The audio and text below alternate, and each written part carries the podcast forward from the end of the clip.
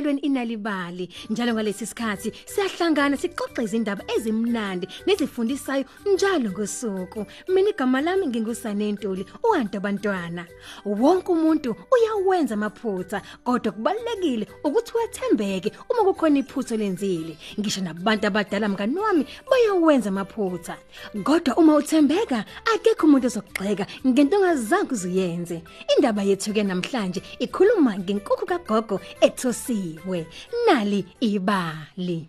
Kwakuyisonto ekseni, uZahara wayehleze egumbini lakhe lokulala, efakela imibala phela ezithombeni.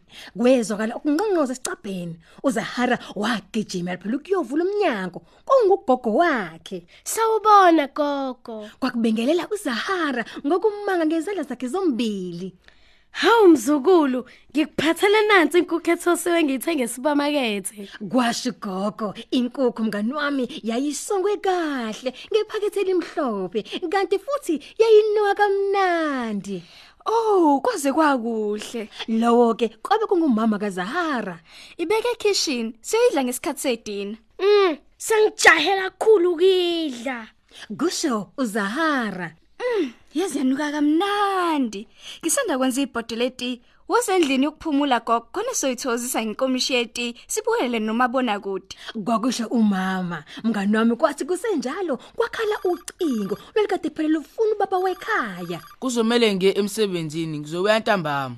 Kwasha ubaba, ugogo nomama bona babe matasa bebukela uhlelo lwabo phela bekade beluthanda kakhulu kumabona kude nabo bavalelisa kubaba. Bye baba.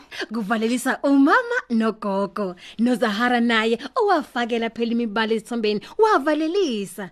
Uhambe kahle baba. Ngokusheshsha nje uhlelo lwabe seliphelile phela kumabona kude. Umama waye ekitchen kuyolanda isinkwa namasaladi kanye nenyama yenkukhu.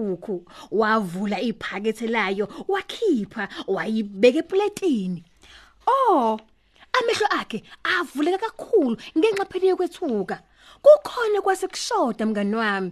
Ihe, kwakuyithanga elilodwa lenkukhu lase lingasekho.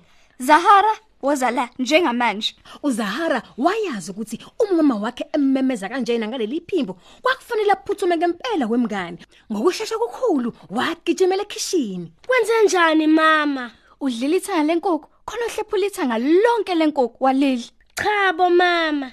ngokuphendula uZahara Ngiyethembisa bekungemina. Unesiqiniseko salokho? kubuza umama Ngiqinisile mama. umama waye garage lapho malume Joe ayilungisa khona imoto yakhe Jo, engabe udlile yini ithanga lenkukhu ebesekitchen? umalume Joe wayedlalela phezulu umsakazo wakhe wabuza ngokumemeza wathi Ubuthini? Udlile yini ithanga lenkukhu ebelisekitchen? kwakumemeza umama phezulu komculo kadudlala Yebo, hayi, ngingayithokozela inyama yenkukhu kanye nengilazi esiphuze sibandayo. wamemeza kakhulu malume Joe umama yena wazamula waqhubeka wayesihlahleni esikhulu sikamango ngezansi kwengadi lapho kade kukhona ubhuti kaZahara benoduze kanye nabangani bakhe uLebo bedlala ngamagatsha esihlahla umama wafike wabuza wathi Dozi, engabe wena odla ithanga lenkukhu ebelisekitchen? Oh, kwakuhle. Sekusikhathi sedina. Kusho uDuzi owaqhubeka wathi, "Ngilambile." Ingabe udlile yini ithanga lenkukhu? Umama wabuza futhi, "Cha mama." Kuphendula uDuzi. Hayi akazange. Kunanela uLebo. Besidlalela ngaphansi kwesihlahla. Umama wayengemuva kwendlu, wayethukuthele ngempela ke manje. Manje akekho nje odlile leli thanga lenkukhu. Kusho umama. Pho ingabe likuphi? Mhlawumbe lithathwa intombazane yasesitolo. He, uZahara naye wayekade beko wakhe umbono. Umama washaya izandla zakhe. Uqinisile. Kungenzeka ukuthi lithathile. Futhi kungenzeka ukuthi lihlephulile leli thanga lenkukhu. Yalinikeza omunye umuntu. Oh hey. Kusigalela ugogo. Ngimcele kahle ngathi ngicela afake inkukhu ephelele. Ngikhokha imali yenkukhu ephelele kodwa manje yena usevele wayihlephula ithanga. Angeke isanela manje ngedina yethu. Ugogo naye waqala wakhala. Uzahara waphatheka kabi umebona ugogo wakhe ekhala. Hmm mngani wami umama naye futhi waphatheka kabi. Bobathathu manje mngani bavele bakhala. Umama wahlubula amakhala akhe wasula amehlo akhe wayesethi Ngeke kulunge. Itolo ayivumelekile ukuthi ikwenze lokho. Sobuyele emumva esitolo. Sibatshela ukuthi abasinikeze inyama entsha. ngakho mama uzahara kanye nogogo baye esitolo ukuyokhalaza Bengisacela ukukhuluma nomphathi isitolo. Kusho umama washo ngephimbo lakhe lekade ligcwele ulaka. Umphathi sitolo wayeza gijima. Nginganisiza ngani madam? Kukhona thatha ithanga lenkukhu yethu sithengile Ithanga lonke. lonke uhlephulile Hey, mm, mm, mm. kwakuzikhalela umama, ugogo kanye noZahara. Ayi, udaba lucanye ngempela lolo. Ngizobiza intombazana okuyiyona edayisa inyama ethosiwe. Kusho umphathi sitolo owaqhukula umbhobho wokumemeza abantu phela esitolo. Intombazana esesigukhweni esithosiwe. Intombazana esesigukhweni esithosiwe. Uyacela ukuphuthume office lomphathi sitolo kuyaphuthuka. Hawu bangani bami, umama yena wayelokhe eshaye njalo phansi ngonyawo lwakhe elindile. Intombazane yeza ngokuphuthuma okukhulu. nginganisiza ngani Kwakubuza intombazane. Lo mama lo uthi uthathe ithanga lakhe lenkukhu elithosiwe. Cha angizange Kuphendula intombazane eyaqhubeka yathi, ngiyifake yonke inkukhu ephelele ngayinikeza ugogo Hayi cha cha cha cha cha. "Kwakuphika umama." Ngithe nje ngivula isikhwama senkukhu ekhaya. Ithanga lakho belingasekho. Mm, intombazane yavele yashawa uvalo. ngiyethembisa ngempela angizange Kuzikhalela intombazane.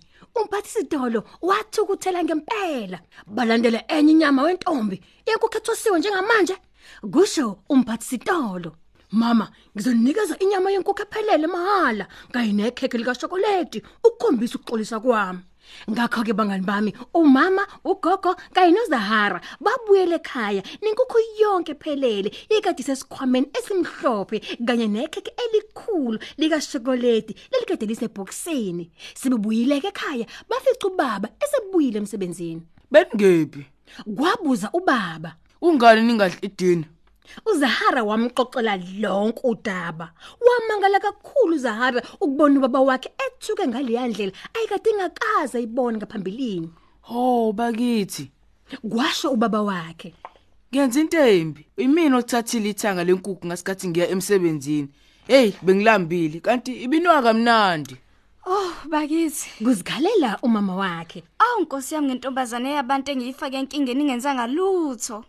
Nami ngaphinde ngakufaka lowo mcabango ekhanda lakho Kwakusho uZahara. Oh, bakithi. Ngakho ke umama nobaba nogogo kanye noZahara bapakishe ephaketheni inyama yenkukhu ababuya nayo esitolo kanye nekhekhe lika chocolate bakubuyisela emuva esitolo sebefikile ke khona baqonda ngqo ehhovisi likamphathi sitolo imanager yesitolo yayiphatheke kabi bandla ngesikhathi babona futhi oh kaze sekwenze njani ke manje yayibuza iziphendula ithi mhlawumbe lo mama uzongithethisa futhi kodwa umama akazange memeze Siyaxolisa kakhulu. Oh, siyaxolisa. oh. siyaxolisa kakhulu, hey. kakhulu kwakuxolisa umama ugogo ubaba kanye noZahara Kube iphutha lami. kusho ubaba Bengilambile. Ngathatha ithanga lenyama yenkukhu. Cela ningibizele intombazane le ibisidayisela. umphathi sitolo wathatha lowo mbhobho wokumemeza ngaphakathi esitolo intombazane esigugwini esithosiwe intombazane esigugwini esithosiwe uyacela ube uphuthume ehhovisi lomphathi sitolo uyaphuthuma intombazane yayithukile ngesikhathi ibona umama ubaba ugogo kanye noZahara. Ngiyacela ungangixoshi. Kusho intombazane isicelela kumphathi sitolo ubaba wakhipha isikhwama sakhe esincane semali wakhokhela inkukhu ethosiwe kanye nekhekhe wasanikeza intombazane isikhwama. Bambala ntombazane. kwakusho ubaba esho kwintombazane. Ngiyaxolisa kakhulu ukukufaka enkingeni. Ngalokho engikunika kona, cela uzithokozise. intombazane yakujabulela kuba nesidlo sedina senyama kanye nekhekhe kodwa uZahara yena waphathika kabi. Uphisana ngekhekhe likashokoledi wazikhalela badluzahara ngakho baba wakhipha isikhwama sakhe semali futhi wathenga elinye ikhekhe lika chocolate walithatha baya nalekhaya emva kwedina wonke umuntu waba nocezo ngiba lo mama ubaba ugogo umalume uJo mngani wami. uManny uDuzi kanye noLebo kanti ucezu olaba lukhulu kakhulu kwaba ucezu lukaZahara ngoba yena wayekade eyintandokazi kababa Sisiphethe kanjena ke isiqephu sethu namhlanje senalibali. Uthi bewazi ukuthi ukufundela abantwana izindatshana ezibafanele kungenza umntwana wakho akhaliphe ekufundeni nasekubhaleni. Uma usazithanda ezinye izindatshana, ungangena kwimobhiseti yethu ngomakhala ekhukhwini wakho uthi nalibali.mobi uzitholele izindatshana eziningi ngolimi lwakho oluthandayo. Uphinde uthole amasu okufundela nokuxoxela abantwana bakho izindatshana noma uthole ikhophi nalibali njalo ngamasonto ephepheni lakho iSunday World. Kanti thina sithi walethe ekhaya amandla endaba. Sisatholakala ku Mixit na ku Facebook ni sale kahle.